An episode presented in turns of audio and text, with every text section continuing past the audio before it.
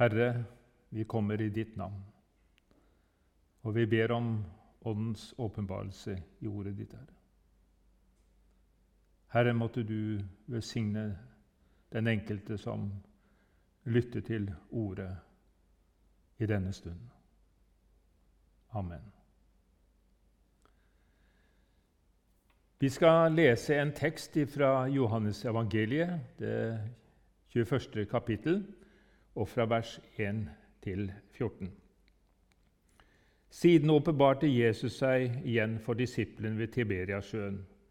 Og han åpenbarte seg da på denne måten.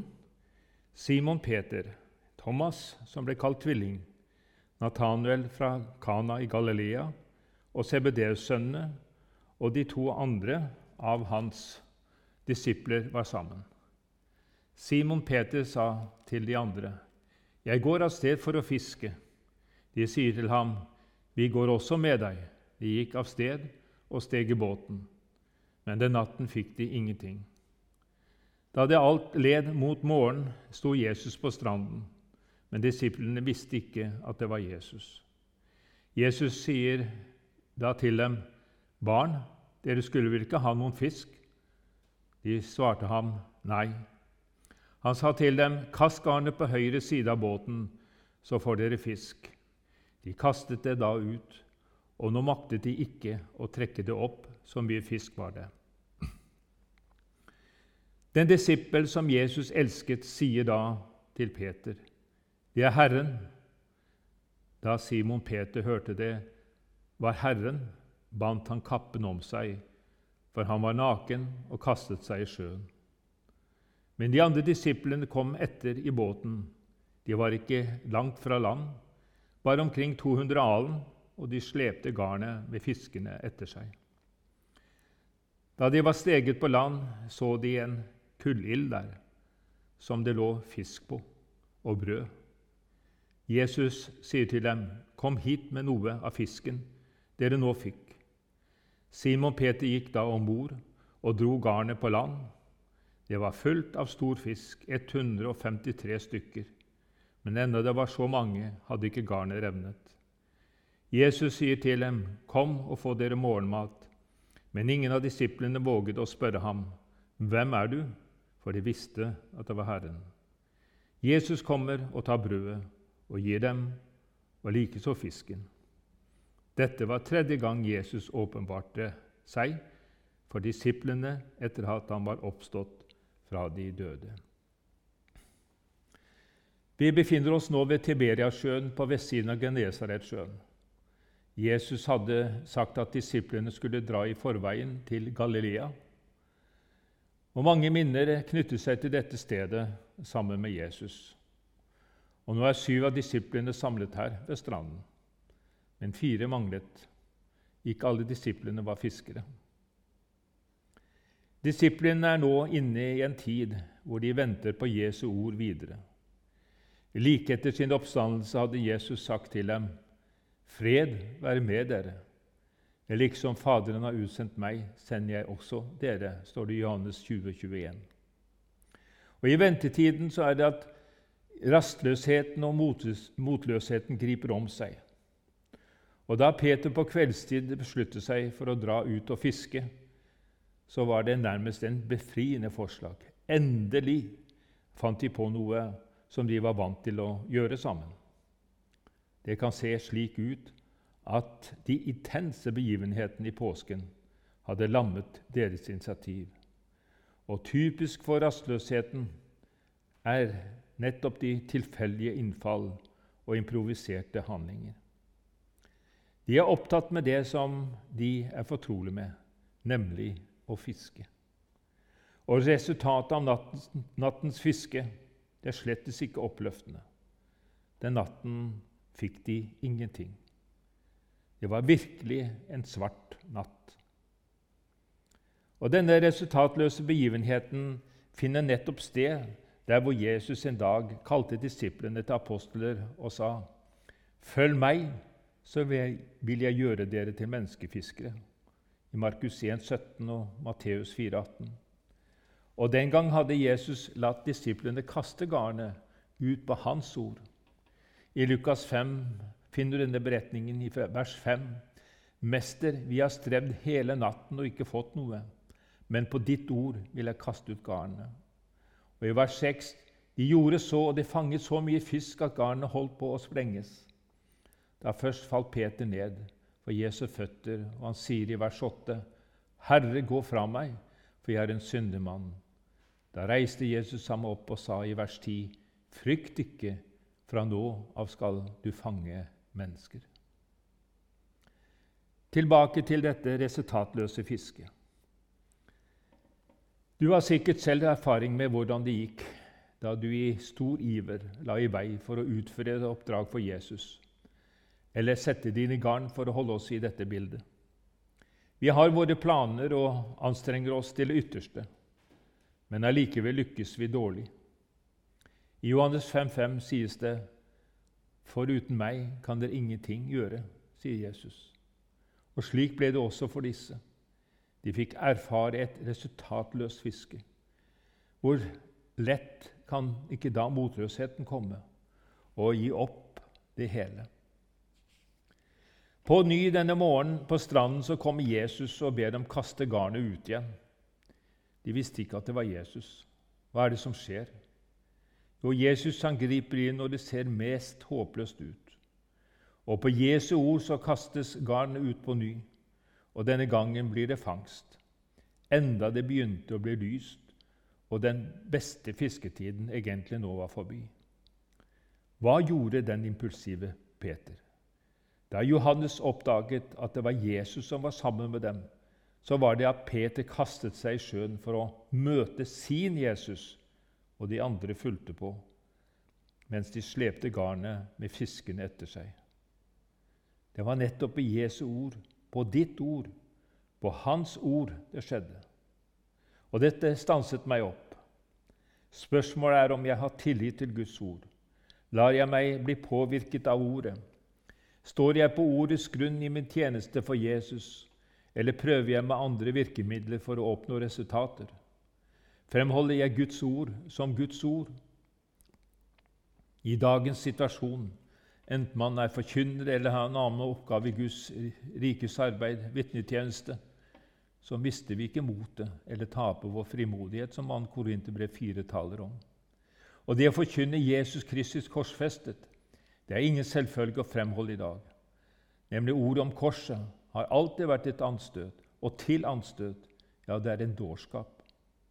Og makter jeg som en kristen å fremholde ordet om Jesus slik som Guds ord gjør det? Jeg er redd for at vi skal fortie deler av Guds ord og underslå det Guds ord forkynner, istedenfor at Guds ord skulle få veilede oss til hele sannheten, som det står i Johannes 16, 13. Og spørsmålet er videre lever vi slik i Ordet at vi kan gå på Jesu ord, slik at vi tilegner oss og oppdager Guds frelsessannheter. Og det å leve i Ordet og oppgjøret blir seg selv å leve i fornyelsen av Guds frelseskall og kallet til tjeneste. Det ene griper inn i det andre. Ja, de begge er knyttet godt sammen. Guds ord det er levende og en skapende virkelighet. og Romerbrevet 1,16 taler om at ord er Guds kraft til frelse.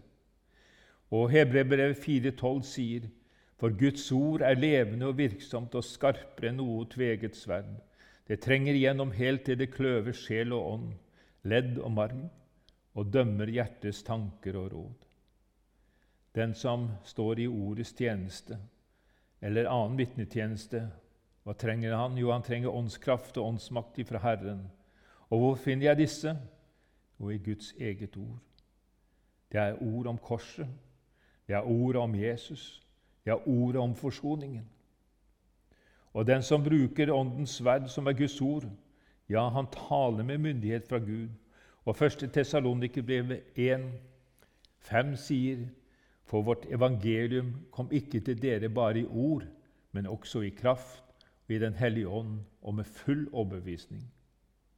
Likevel er evangeliet om Jesus Kristus skjult for de fleste mennesker, fordi Guds hellige ånd med sin skapermakt ikke får anledning og mulighet å overbevise om det store som skjedde på korset, at Jesus sonet din synd og skyld, og at Gud ble, for, for, ble forsonet, som det står i 2. Korinterbrev 5.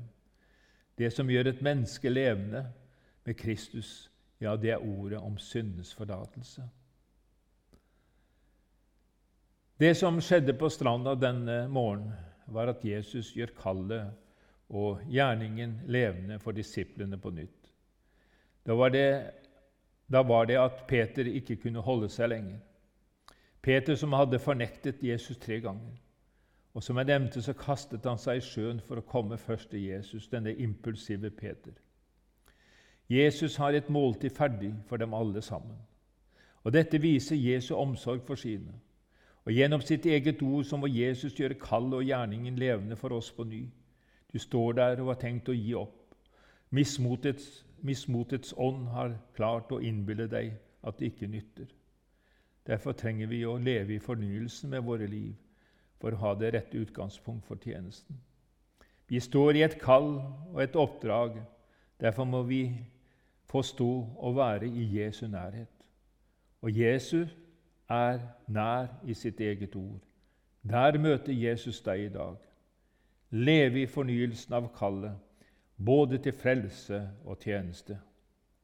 Kanskje Herren må gjøre det på sin måte. Han må gjøre det på sin måte, slik at vi våkner og fra en tilstand hvor vi har tapt vår frimodighet grunnet synd og stolthet. Det var noe som kom inn, og som ikke skulle være der leve i oppgjøret både i forhold til Gud og mennesker. Ja, den fortapte sønn sier i Lukas 15, 18, Far, jeg har syndet. Og i Salme 51, 51,6 så bekjente David sin synd. Og profeten Jesaja fikk et fornyet kall både til frelse og tjeneste, men han ble først stilt under Guds lyskaster med sitt liv. Og I Jesaja 6,5 står det:" Ved meg, jeg er fortapt, for jeg er en mann med urende lepper og jeg midt, bor midt iblant et folk med urene lepper, og mine øyne har sett Kongen, herskarenes Gud. Den erkjennelse måtte til, og han fikk oppleve frelsens under på nytt i sitt liv. Og støttet i en symbolsk handling forkynner serafen et frelsens budskap for Jesaja.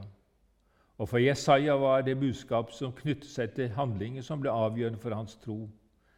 I Jesaja 6, 7, 7 står det:" Se, denne har rørt ved dine lepper. Din misgjerning er tatt bort, og din synd har sonet. Men det var et påfølgende budskap. I vers 8.: Da hørte jeg Herrens røst. Hvem skal jeg sende, og hvem vil gå for oss? Da sa jeg, Se, her er jeg, send meg. Er svaret fra min munn et hellig ja? Jesus har et måltid ferdig for dem alle. Jesus har et måltid for deg. Etter slitet kommer hvile og styrkemåltid hos Jesus. Han har omsorg. Han har denne måten å være på. Han glemte seg selv for å ha omsorg for sine venner. Han betjener deg med sine gaver og vil styrke deg. Jesus sier i vers 10 i den teksten som vi leste, Kom hit med noe av fisken dere nå fikk. Underforstått kom og få frokost, kom og få morgenmat. Måltidet ved dagens begynnelse, ja, det er et viktig måltid. Og på Jesu ord bringer de noe av fisken. Den er en gave ifra Jesus. Jesus kommer og tar brødet og gir dem, og likeså fisken. De visste at det var Jesus og det var ingen spørsmål 'Hvem er du?' Jesus sier til deg, 'Kom hit med det du har.' Hva har du? Du har hender, du har føtter, du har en munn. Du har midler som du forvalter, som Herren vil velsigne deg i din gjerning for ham. Han ønsker å få eie ditt liv, slik at du med dine hender, dine føtter, din munn og dine midler kan fortjene Jesus og hvor er Jesu rike gaver å finne? Guds rikdommer og gaver er å finne i ordet og bønnen. Du er avhengig av Ham som er livets brød, nemlig Jesus, for å leve som en kristen i din hverdag. Derfor blir det et under å leve som kristen og bli bevart i troen. Den som skal være med og dele og bringe livets brød til andre, må selv ha del i livets brød, Jesus Kristus. Alt står og faller med mitt forhold til Jesus. Der hvor Guds ord slipper til med sin velsignelse, blir det overflod og nok til andre. Og når Jesus kalte deg til sin gjerning i Guds rike, så er det ikke fordi du i deg selv er spesielt skikket til det. Jesus vil gjøre deg skikket til det som han ønsker å bruke deg til, og det er Guds nåde. Det beror på ditt forhold til Jesus. Jesus har bruk for deg, blir det gjerne sagt. Og det er sikkert godt ment, men egentlig så er det motsatt. Det beror på om du har bruk for Jesus. Det er når du har bruk for Jesus, at Jesus får gjøre deg til det han vil. Og når det blir slik, så blir det ikke mye igjen av troen på din egen brukbarhet og dyktighet. Det som du er av naturen, det duger ikke i Guds rike. Og Når dette blir klart, så begynner Jesus å leve i deg og gjennom deg. Og Gjennom Jesus så er det en ny skapning og det motsatte av det du er av naturen. Dette er Jesu kall til deg som kristen. I 5. Mosebok, kapittel 31 og vers 16 står det:" Vær frimodige og sterke, frykt ikke og vær ikke redde for dem. Og I en parentes, parentes kan jeg si de som vil ta bort frimodigheten, ting som vil hindre deg i tjeneste for Jesus. Og jeg fortsetter. For Herren din Gud går selv med deg, og han skal ikke slippe deg og forlate deg. Og så skal vi ikke bli så opptatt med fangsten at du glemmer å, å komme på avstand ifra ham som er tjenestens herre. Være i et avhengighetsforhold til Jesus, et avhengighetsforhold for å bringe vitnesbyrd om Jesus til andre. Og Når vi leser fortsettelsen av denne teksten som vi leste sammen, i vers 15, 16 og 17, så er det Jesus spør Peter.: Fø mine lam, vokt mine får, fø mine får. Herren, han sørger for oppdraget på tross av Peter sin karakterbrister. Herren bruker Peter for å stå i et oppdrag og fullføre oppdraget. Oppdraget er slik som det står i Matteus 28, 19. Gå derfor ut og gjør alle folkeslag til disipler idet de døper dem til Faderens og Sønnens og Den hellige ånds navn. Jesus, ja, han er med alle dager til oppdraget er fullført. Amen.